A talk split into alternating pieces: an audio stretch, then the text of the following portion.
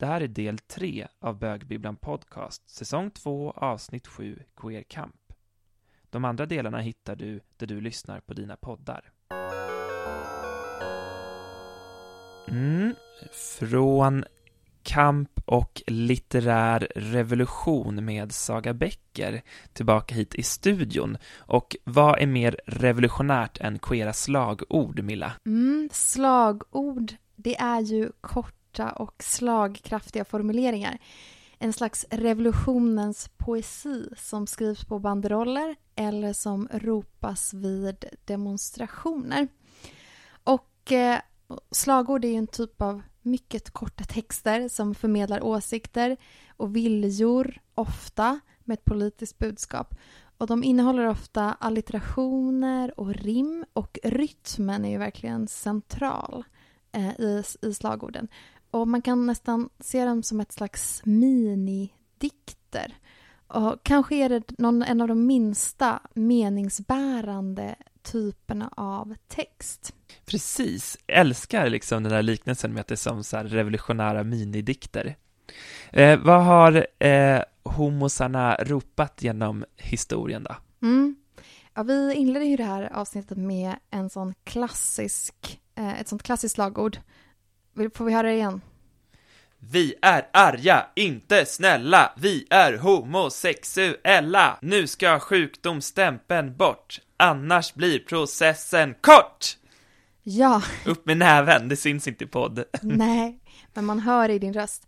Ja, det här skanderades ju alltså på Socialstyrelsens trappa 1979. Och eh, det man hör här är att det, liksom, det ställs krav på ett snabbt agerande. Man bjuder inte alls in till förhandling eller förlikning utan man ställer ett krav och kommer med någon slags hot. Vi är arga och att om inte så blir processen kort. Så det här är ett exempel på ett slagord som bara går att förstå om man känner till dess historiska kontext. Sen finns det andra slagord som har en helt annan betydelse beroende på var i världen eh, den som uttalar dem befinner sig. Och ett sånt exempel är Love is a human right. Alltså, för mig låter det som mer likt en t-shirt på H&M som man säljer under Europride än ett så politiskt slagord med en udd. Eh, men det här var någonting som skanderades på Prideparaden i Hongkong 2011.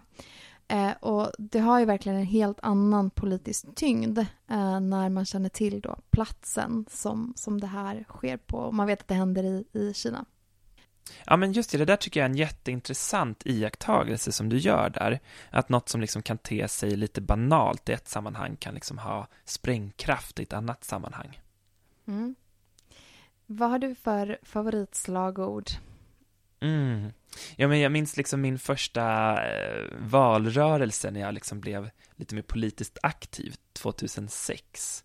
Eh, och en av mina favoriter som jag liksom aldrig kommer glömma är eh, Stoppa Littorin i en tvättmaskin. Jag kommer inte ihåg vad han var, om han var näringsminister eller arbetsmarknadsminister eller någonting. Men eh, stoppa honom i en tvättmaskin, det förde vänstern fram. Mm. Det var det liksom mest våldsamma man kunde komma på. ja, precis. Och vi är återigen tillbaka i det soliga, stormiga Malmö och sitter här i ett eh, kök ovanpå vår favoritbokhandel Page 28. Och här sitter vi med Maria Hymna Ramnehill. Hej! Hej! Vad roligt att du vill vara med i Bögbibblan Podcast. Vad roligt att ni vill ha med mig. Och tack för att du vill vara med. Välkommen. Du har ju en bakgrund som journalist, författare och litteraturkritiker. Och nu så är du dessutom också doktorand i litteraturvetenskap, eller hur? Ja, precis. Och jag började i höstas med ett projekt som handlar om eh, transmotivet eh, och skildringar av transkroppar och skeva kroppar i svensk skönlitteratur. Mm. Wow, så du har liksom påbörjat precis en ganska lång resa i det här eh, motiven. Exakt. Mm. Vad härligt, lyxigt, spännande. Mm. Väldigt eh, spännande och väldigt eh, läskigt. Mm. Roligt, det vill vi höra mer om. Eh, men en annan text som du, får man väl lov att säga, är känd för att ha skrivit är ett transfeministiskt manifest. Mm. Eh, och jag, jag är lite nyfiken på, så här, manifest är ju liksom en så här, textform som har liksom, älskats och citeras mycket och använts mycket i den queera rörelsen. Vill du berätta lite hur det kommer sig att du valde den manifestformen för din text? Eh, jag, jag, f- ehm, jag har försökt att minnas exakt hur det gick till. Eller var det började.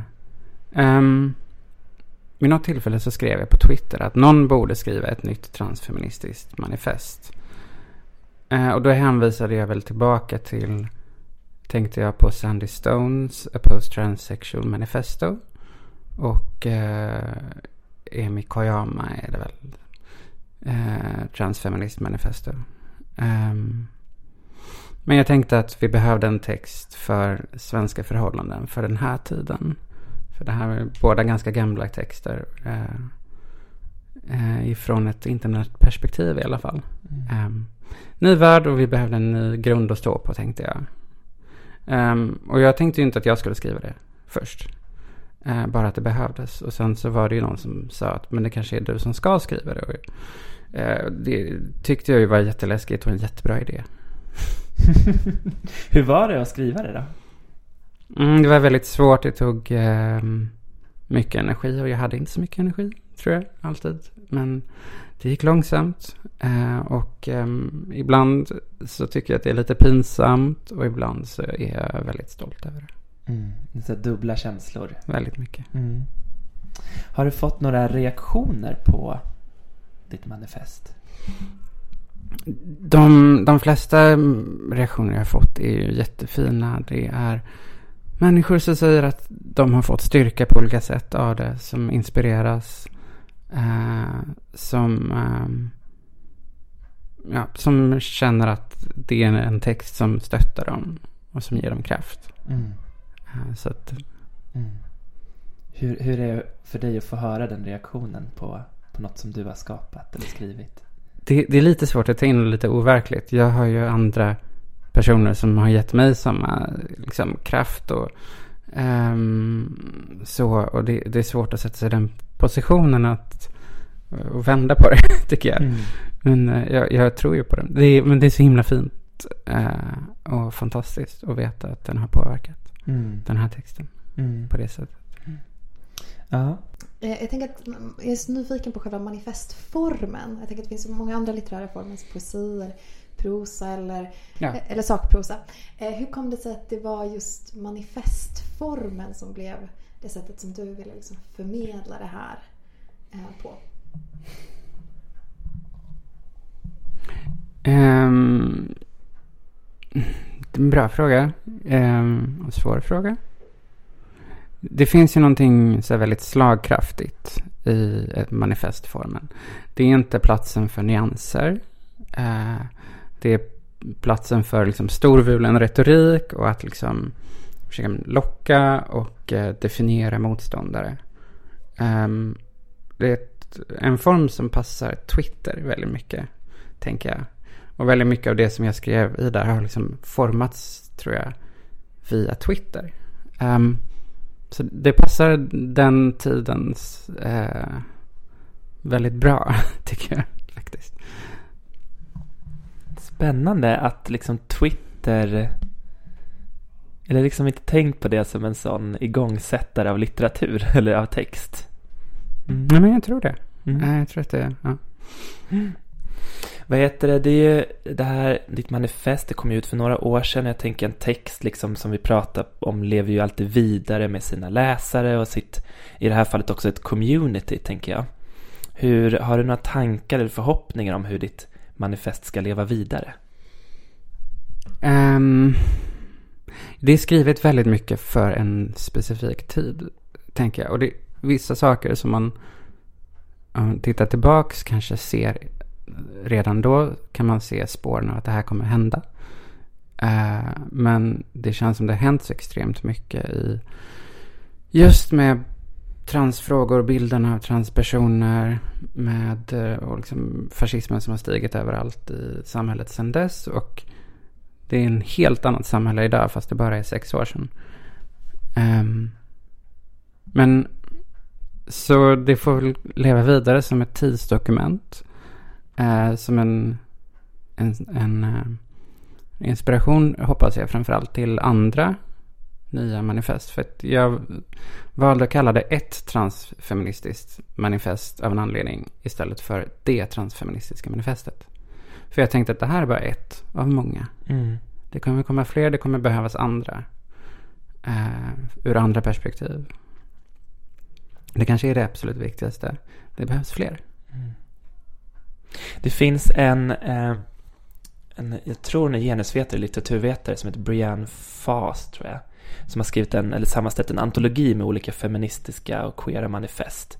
Och hon beskriver liksom manifestformen som en sån brinnande fackla liksom som tänder eldar så. Men kanske inte nödvändigtvis brinner för evigt. Och att det inte nödvändigtvis måste vara så här syftet alltid. Utan det kan vara så här väldigt här och nu. Och det ska liksom slå an någon slags passion och kämpaglöd. Så att det kanske var en bra utgångspunkt att det är ett av flera manifest du skriver in i historien. Ja men precis, det var en väldigt bra beskrivning tror jag av hur jag tänker på manifest också. Mm.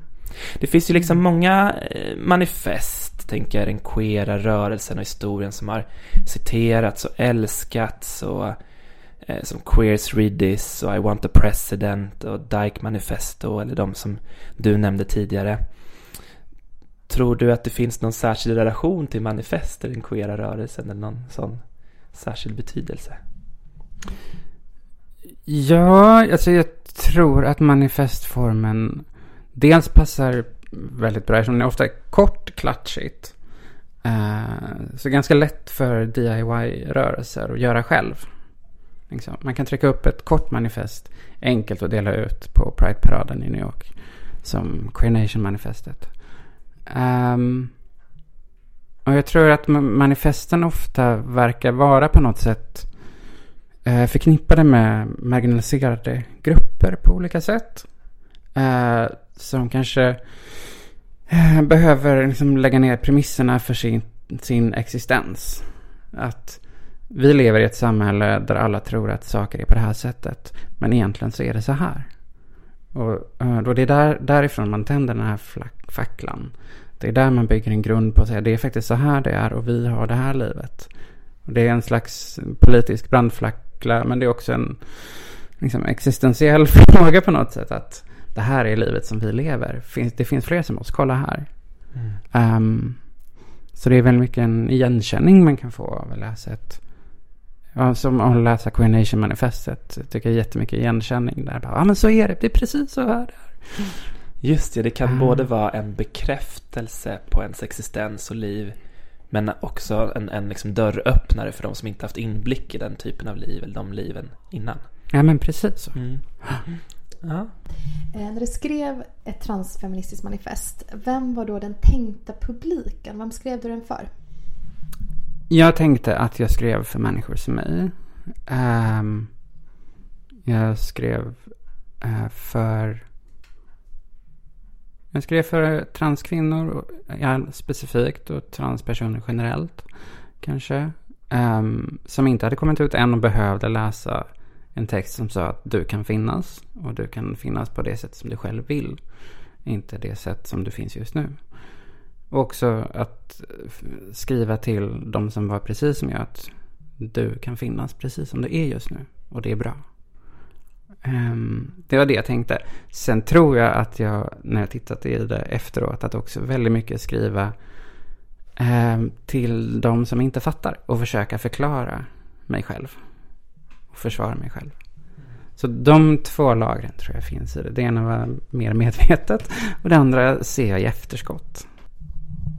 Jag tänker att jag läste den här första meningen eh, från ett transfeministiskt manifest. Livet som transkvinna i det här samhället är att i bästa fall vara ett skämt. Vill du berätta, det är en väldigt slagkraftig inledning. Vill du berätta hur, hur kom det sig att du valde att inleda manifestet på det här sättet? Ja, det är ju såklart en, eh, eller ja, det är ju en parafras på eh, uh, skummanifestet. Valerio Solanas. Eh, som väl börjar med eh, meningen att Um, livet som kvinna i det här samhället är i bästa fall ett skämt. Det var väl min upplevelse väldigt mycket av att man tittade på tv och var eh, ett skämt. Eh, personer som jag. Jag gick på stan och åkte spårvagn eller satt på ett café och eh, människor tyckte att jag var ett skämt.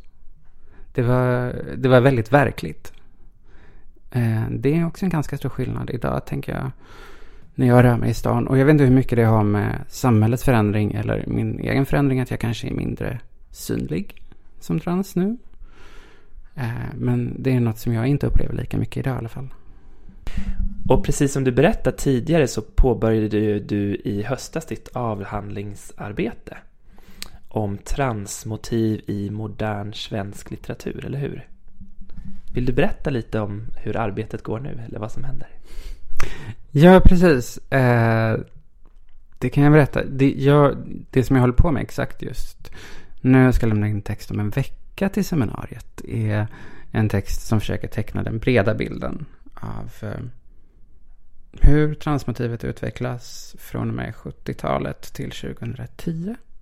Vilket är min valda period för det avgränsas ena änden av en ganska mycket en öken och andra änden 2010-talet när mängden exploderar. Mm. Eh, så jag försöker få en bild och är väldigt uppe i en förvirrad bild av det här. Um, det händer massa olika saker. Uh, I början så är transmotiven framförallt uh, de karakter kan karaktäriseras som utklädnad eller förklädnad på olika sätt. Men vissa undantag. Och i slutet så är det mycket mer fokus på kroppen. Och kroppar som kan förvandlas eller som har förvandlats. Ehm, kroppar som är inte sex eller på annat sätt bara är tvetydigt eller otydligt könade som då går att läsa som trans på något sätt. Och faktiskt liksom transitionerade kroppar också som börjar dyka upp mot slutet av perioden. Så det är trans motivet under den här perioden verkar gå från någonting okänt och svårt att förstå till en ganska igenkännbar eh, person, tror jag. Eh, men det kanske jag kommer ha ändrat åsikt om om en vecka. Men så, det är min bild just nu. Så. Just det, för du är mitt i en process. Jag tänkte på, jag var nyfiken, jag läste en artikel som du har skrivit. Eh, och där du beskrev att det fanns två verk som hade på något vis, vad ska man säga, lyckade skildringar av transpersoner. Eh, skulle du vilja berätta om dem, vilka två verk det var? Ja, det var en artikel där jag då kanske eftersökte en liksom, slags realistisk porträtt eller representation av transpersoner. Eh, och då var det ett så starkt ljus av Lyra Cooley och eh, berättelsen om Esmeralda av Petra Östergren. Och den här artikeln tror jag är från 2016. Eller något sånt. Och för under åren efter det så har det kommit jättemycket. Eh, och det händer ju under 2010-talet att det exploderar. Um, det är, särskilt i barn och ungdomslitteratur så händer det jättemycket, men också i vuxenlitteratur. Um, så nu är det ju, går det inte att räkna, känns det som. Skillnaden är på bara några år är, är jättestor. Liksom en historisk förändring verkligen. Det, det är verkligen så. Mitt avhandlingsprojekt handlar ju ganska mycket om att undersöka då vad hände litterärt under åren innan mm. det här. Vad är det som bäddar för den här utvecklingen inom mm. litteraturen? Mm. Vad är det som gör att du tycker att de här porträtten i just de här böckerna är lyckade? Nu var det ganska länge sedan jag läste dem. Eh, men eh, vid den tiden så hade jag kanske inte läst någonting som kändes eh, som att det tog personernas liksom, kön på allvar. Helt enkelt. Det fanns en hel del litteratur från 10-talet som eh, skildrar transitionerade kroppar på ett väldigt ingående sätt. Eh, man kanske zoomar in extremt mycket på de här detaljerna som författaren tycker eh, som, som liksom används för att på något sätt peka ut den här kroppen som könsöverskridande. Att, liksom en transman som har för smala axlar och för små händer. Eller liksom alla sådana här stereotypa och liksom transgrejer. Eh, som man på något sätt zoomar in på. Det var en roman som jag kommer ihåg att det var ganska stort persongalleri och så var det en person som var trans och eh, hennes könsorgan nämndes om och om och om igen som ett, och ingen annan, det var inte så, utan anledning. ingen annans könsorgan omnämndes alls. Så det är det här som att de blir bara människor i, eh, på ett helt annat sätt i den här porträtteringen. Eh, så det var den stora skillnaden, kommer jag ihåg. Tack. Det här avsnittet handlar ju om queer kamp. Och manifest har ju uppfattats ju av många som liksom texter som uppmanar till förändring eller kanske till och med revolution. Vad finns det för revolutionär potential i ett avhandlingsarbete? Jag vet inte om det finns någon. Men jag tror jag kan hitta en viss revolutionär potential. Um, Susan Striker har beskrivit transstudier som det här akademiska fältet. Eh, som att man tittar på eh, den här historien av västerländska intellektuella som granskar och undersöker konstiga könsavvikare från antiken till idag. Vänder på den historien och återberättar den ur liksom transpersonernas perspektiv. Och förvandlar transpersonen i forskningen från, eh, från objekt till att vara subjekt i sin egen forskning, i sin egen berättelse. Och att skriva en avhandling om transmotiv i svensk litteratur är att göra precis det. Titta på de här historierna från de senaste 50 åren. Vända på dem och berätta dem ur ett nytt perspektiv. Uh, och det tror jag är revolutionärt. I det lilla. Mm. Verkligen spännande att tänka sig liksom att det det finns en evolutionär potential i att det liksom inte är formen som avgör det utan på något vis vad intentionen kanske är bakom texten. Mm. Har du några tips på texter till våra lyssnare som handlar om queer kamp eller som kanske har inspirerat till queer kamp? Du har ju nämnt några manifest redan. Ja, um, jag har nämnt några och uh, Susan Strikers såklart. Uh, um, essä som försöker vara transform och samtidigt prata om trans. Uh, my words to Victor Frankenstein above uh, the village of Chamonix.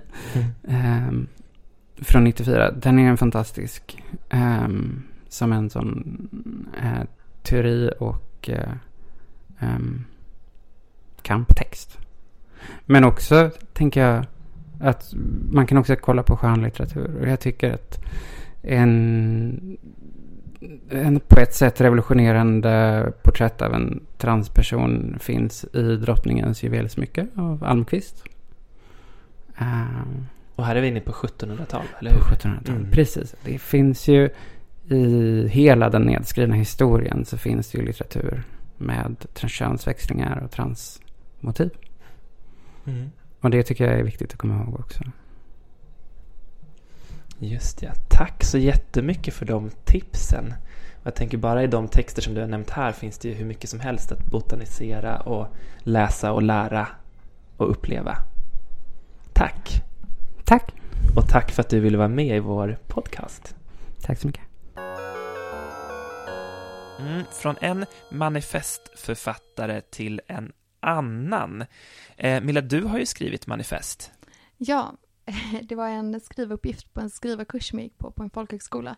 Då så skulle vi skriva ett manifest i grupp och eh, det skulle ha någonting med litteratur att göra så då skrev vi ett manifest mot ljudböcker.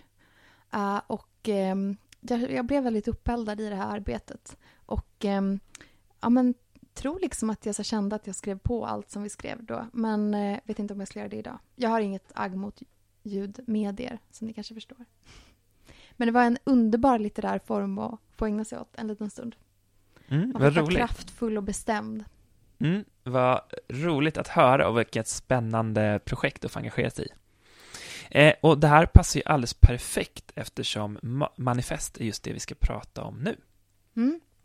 Ja, ett manifest, det är ju en typ av skrift som man kan se som grunden för en ideologi eller någon annan typ av kulturell eller konstnärlig rörelse.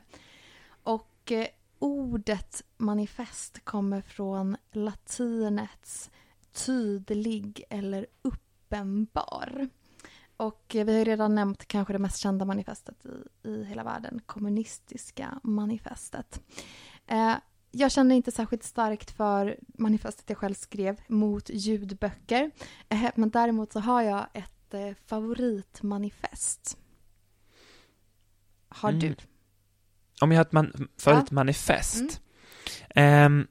alltså jag känner ju väldigt, väldigt starkt för Queer Nation-manifestet som jag ju bara, ja, som jag har liksom läst väldigt många gånger och engagerat mig i. Men annars tycker jag liksom bara om manifestformen Eh, för att den är så experimentell och man kan liksom göra lite vad som helst med den. Och jag minns faktiskt ett, um, några av mina lit- favoritlitterära manifest är, fanns i Bang någon gång på 00-talet kom de. Det var ju en period då på 00-talet när det, var, det kom många eh, konstnärliga, kulturella manifest typ under ett par år där. Eh, och då var det en grupp anonyma eh, författare, tror man, som skrev manifestet Skam, S-K-A-M, som de publicerade i flera delar i Bang. Och det ryktas att Sara Stridsberg bland annat var en av dem som låg bakom det. Men det rekommenderar jag att ni googlar fram, för det är också en visuell text. Vilket är ditt eh, favoritmanifest? Mm. Ja, men jag är väldigt förtjust i Skummanifestet. Jag har både läst den och sett teateruppsättningen faktiskt två gånger. Society to cut up men. Exakt, Mm. av Valerie Solanas. Så det är ju en slags utopi, eh, men också ett angrepp på patriarkatet ur ett delvis biologiskt men också psykologiskt perspektiv. Och eh, Valerie Solanas skriver då fram mannen här som så här fullständigt oduglig som människa. Y-kromosomen är en ofullständig X-kromosom. Och mannen lever i skymningslandet mellan apa och människa och de är bara besatta av, och, av makt, av pengar och av död, av att ödelägga och knulla. Och eh, genom teknik och eh, avskaffningen av pengasystemet så kommer kvinnor då kunna förstöra manligheten och uppnå en värld där kvinnor har total kontroll över världen. Och eh, ja, det här är ju ett otroligt så omdebatterat och omdiskuterat eh, manifest eh, som utkom 1967 men som inte upphör att eh, intressera och uppröra än idag. Till exempel när de satte upp den här på Turteatern 2011 så eh, mottog de dödshot och fick ha så här, vakter utanför eh, och blev hotade från, bland annat av en grupp som kallades för Moderatmännen, kommer jag ihåg. Ja, spännande. Det här var väl i samma veva som Per Ström var en stor som eh, antigenusbloggare. Eh, det här är verkligen en av de mest oresonliga texterna jag känner till och det någon, finns något befriande i det. Den är så oresonlig att den till och med talar om att det inte finns någon ironi i texten. Bara så att du vet att bara, det finns, det här är inte på skämt, vi vill på riktigt döda dig. Mer oresonligt än så kan det inte bli. Hur känns det som man att läsa den? Eh, ja, men jag kan tycka att den på ett sätt kan kännas lite humoristisk som upplevelse, men samtidigt när man tänker på liksom kontexten så känns den ju också så skrämmande i att på ett sätt så kan man ju tänka, tycka att den är bara ett, ett rimligt svar på så lika för lika på något vis. Mm. Precis, ett rimligt svar på patriarkatet. Mm. Eh, och Manifest har ju en lång historia, eh, har ju skrivits i många olika rörelser och för många olika syften genom historien. Eh, och på ett sätt så kan man säga att Manifest handlar om att formulera utopier, i alla fall drömmar om utopier, att visa på att en annan värld är möjlig. Eh, det kan handla om att visa på alternativa kollektiv, alternativa identiteter eller till och med hur ett alternativt samhälle eh, behövs eller skulle kunna se ut.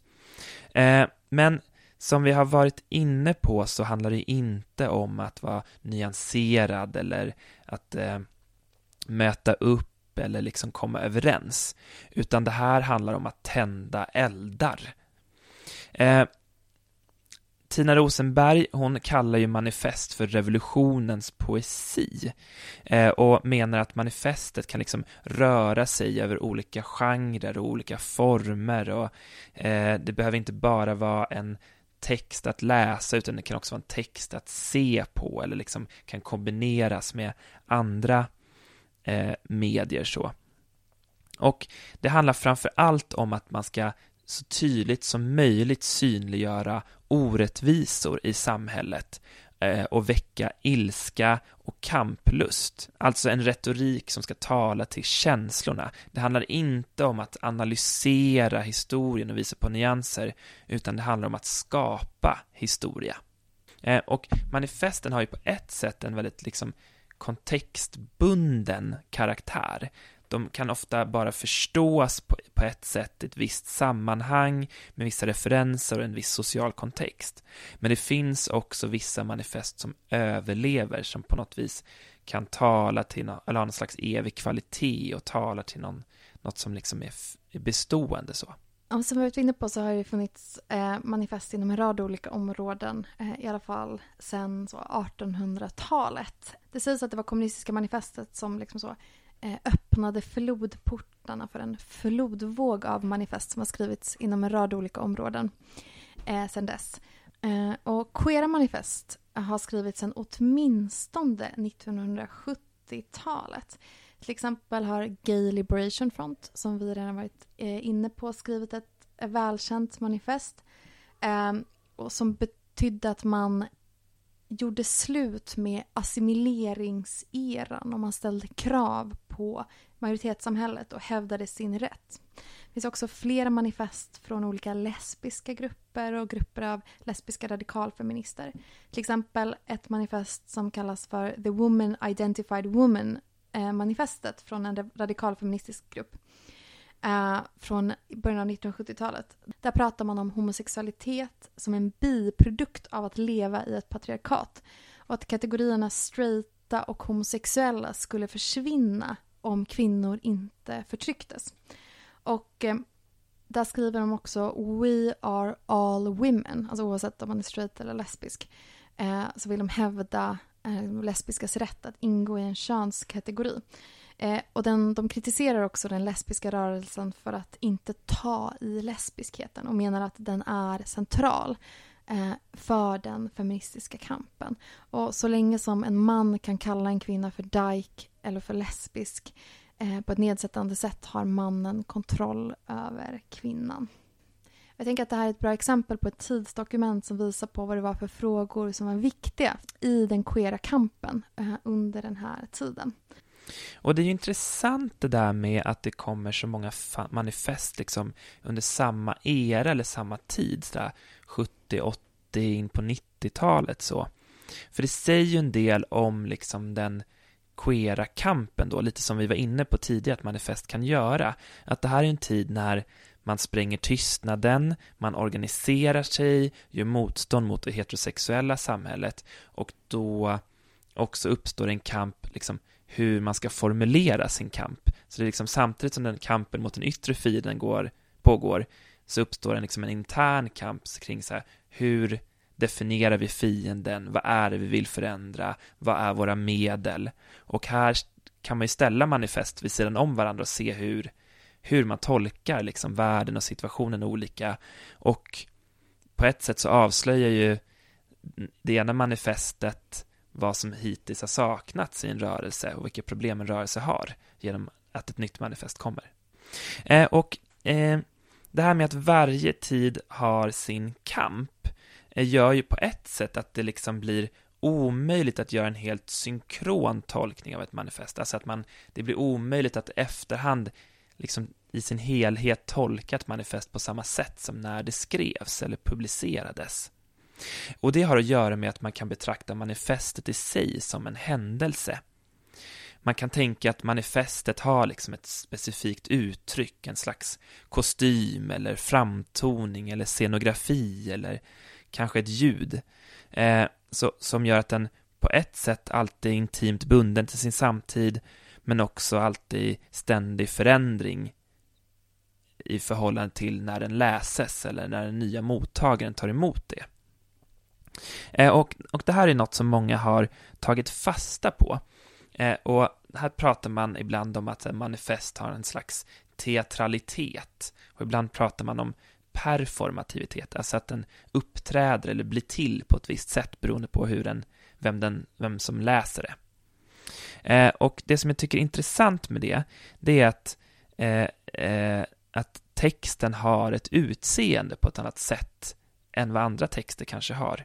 Så till exempel har Queen Nation-manifestet som publicerades i början av 90-talet, eh, som handlade liksom om att organisera queer-kamp, eller väcka queer-kamp. Och då skrev man det här manifestet och precis innan det skulle publiceras och delas ut i 20 000 exemplar på Pride-paraden i New York, så lät man i bakgrunden av texten så har man rosa blockbokstäver, det står I hate straights. Eh, och det var någonting, det är liksom en visuell sak som går utanpå själva, eh, själva texten så, och som skapar reaktion och eh, gör att människor uppfattar texten på ett visst sätt.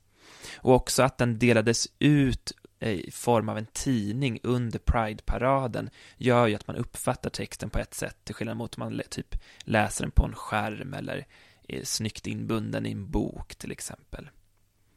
Eh, och just när någonting blir en händelse så är det någonting som också kan upprepas många gånger på, på ett nytt sätt än vad en läsning kanske görs.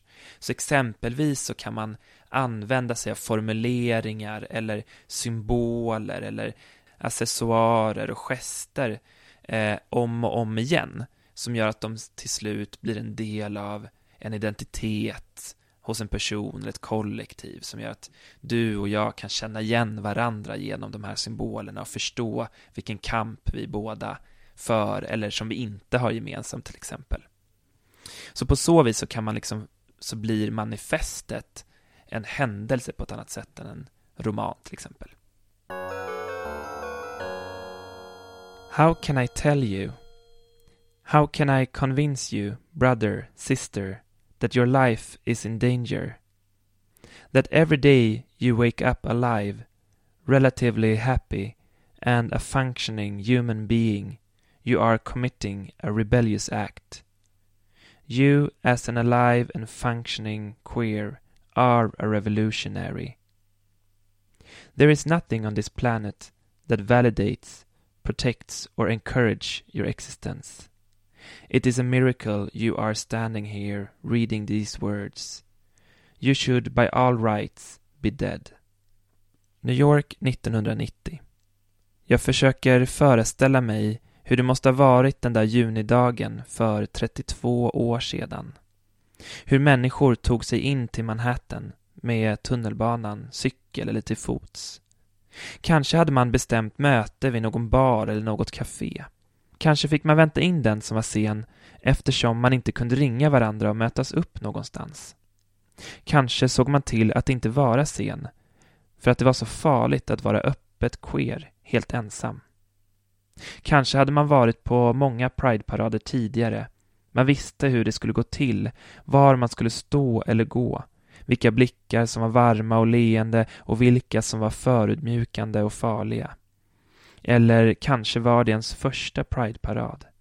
Kanske första gången man vågat sig ut, första gången man var omgiven av andra queers.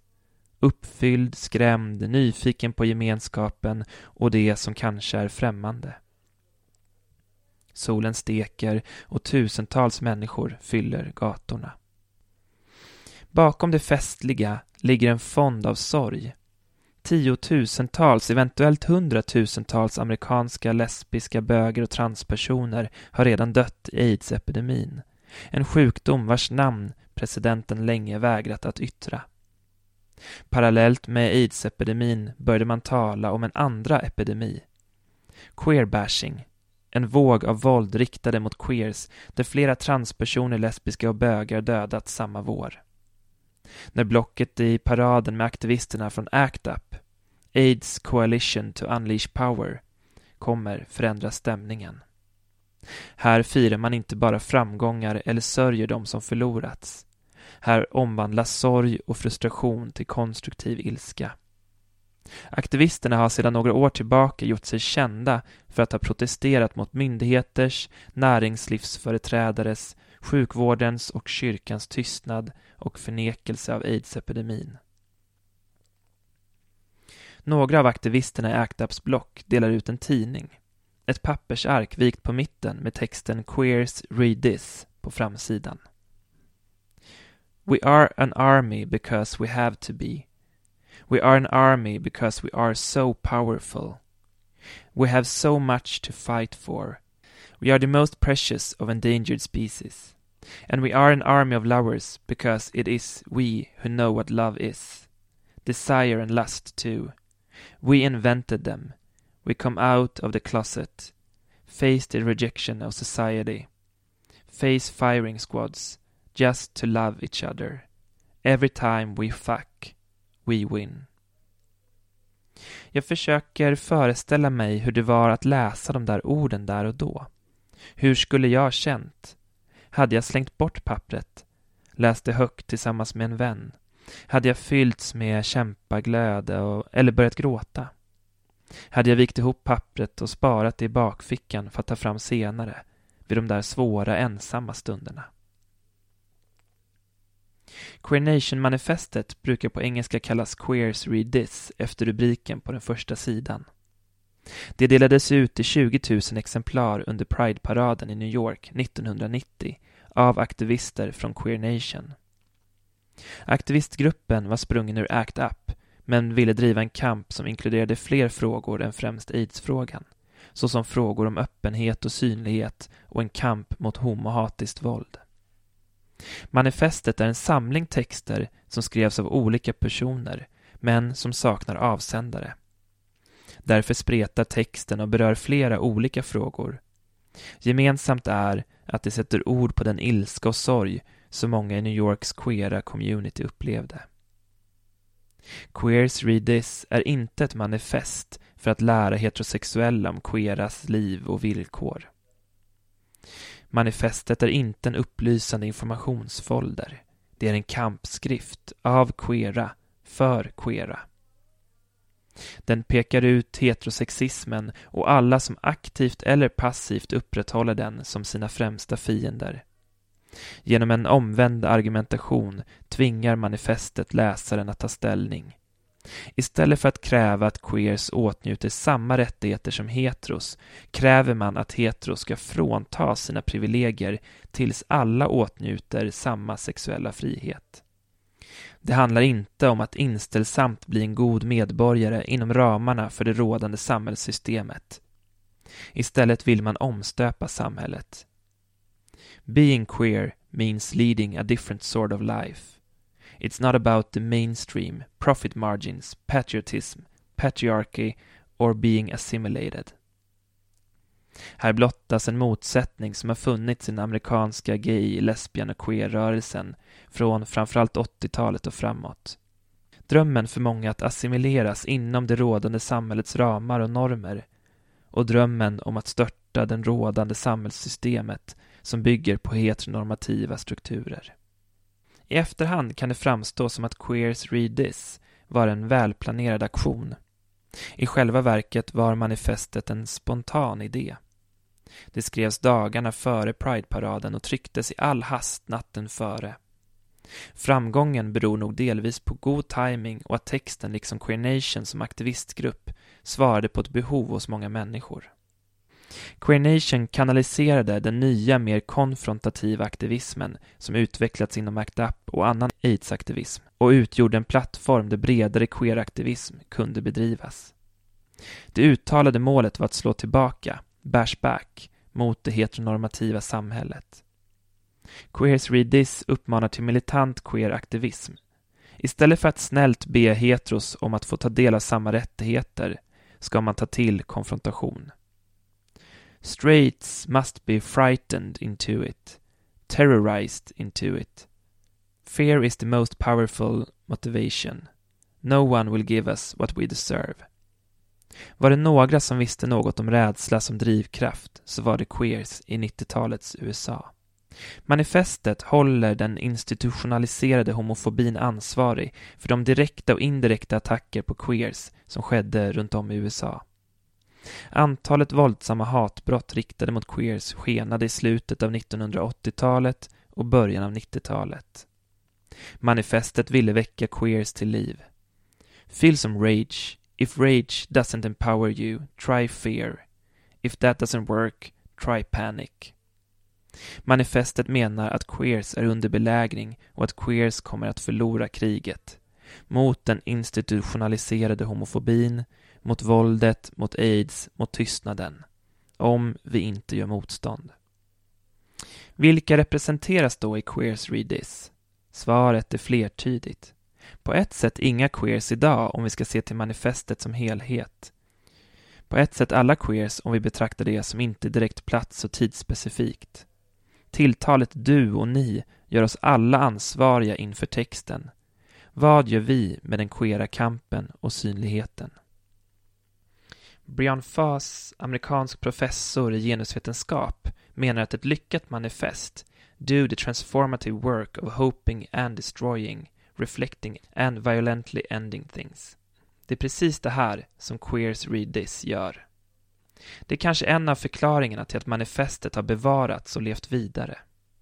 Det är inte det som är specifikt för dess plats och tid som är manifestets livskraft, utan det är dess förmåga att sätta ord på det universella, den gemensamma ilskan, sorgen och frustrationen på ett sätt som både läkande och manar till kamp. Genom dess slagkraftiga språk har det också kunnat traderas mellan människor genom annan konst och aktivism. Det är både djärvheten att beskriva hat och frustration och det sårbara i sorgen som gör att manifestet öppnar upp ett rum där det är möjligt att omvandla sorg och ilska till något konstruktivt. Queer Nation tog det som heterosamhället hatade mest och gjorde det till något vackert. It's about being on the margins, defining ourselves. It's about gender fuck and secrets, what's beneath the belt and deep inside the heart. It's about the night. Being queer is grassroots because we know that every one of us, everybody, every cunt, every heart and ass and dick is a world of pleasure waiting to be explored. Every one of us is a world of infinite possibility.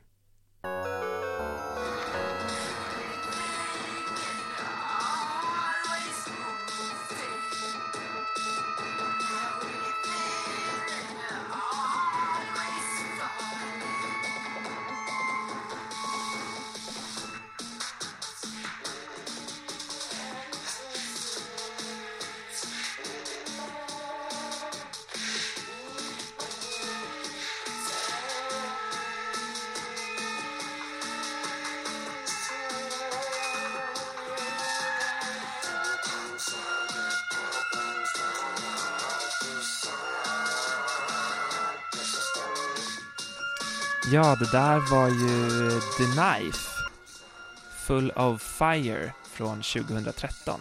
Och den spelar vi ju här för att de själva har uttryckt att de inspirerades av eh, protestsånger från 1970-talet från sin egen uppväxt. Eh, och att de med den här skivan vill ställa sig frågan vad kan en protestsång vara idag? Vad tror du att man kommer säga om den här protestsången om 50 år? Jag tänker att The Knife som band i alla fall kommer gå till historien som en sån eh, ett sånt band eller artist som verkligen har varit en liksom så anthem för en hel queer generation. Men jag vet inte om det är som protestsångare som de kommer bli ihågkomna. Nej, kanske snarare för att, för att de utmanar liksom idéer kring kön och eh, könsroller, tänker jag. Ja, och det känns ju fantastiskt bra att avsluta ett avsnitt som handlar om queer kamp med att höra på något vis den eventuellt framtidens liksom kampmusik så. Eh, och det här har varit ett spännande avsnitt att spela in just för att vi har undersökt texttyper som vi vanligtvis inte så mycket pratar om. Ja, det har varit jättekul att få sätta tänderna i både visor och eh, slagord och såklart romaner och facklitteratur. Mm. Och jag känner att jag efter det här i alla fall bär med mig någon slags så här eh, förnyad eh, inspiration och kämpaglöd. Eh, just av att få höra om liksom, tidigare aktivisters kamp och hur man har tänkt och formulerat sig och försökt nå ut med sitt budskap också. Mm. Verkligen. Jag hoppas att vi kan inspirera er som lyssnar där ute till fortsatt queer kamp. Mm.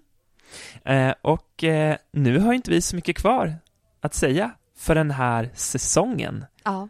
Vi knyter upp säcken för säsong två med detta sjunde avsnitt. Ja. Och även om det känns lite vemodigt att det här blir de allra sista orden för den här säsongen så vill vi ändå säga att vi finns ju kvar i eten. Alla avsnitt ligger kvar. Vi ska ut på en liten sommarturné och besöka olika festivaler och evenemang i sommar och eh, längtar såklart efter den tredje säsongen. Mm. Så med de orden så säger vi tack för säsong två och ger oss ut i sommarnatten. Underbart! Tack så jättemycket Milla för de här månaderna. Det har varit så himla, himla roligt. Och tack till alla er som har lyssnat. Det gör oss verkligen så himla peppade och glada. Mm. Mm. Tack. Ha det så fint! Hej då!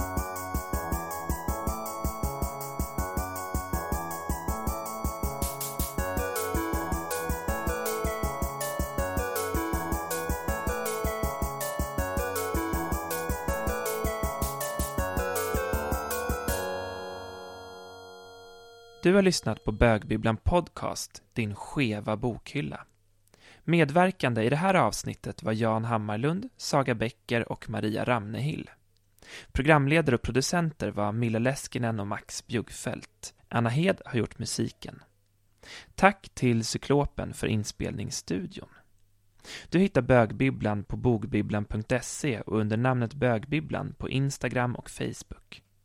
Glöm inte att dela avsnittet med dina vänner och fiender och skriv till oss om vad du tyckte om dagens avsnitt.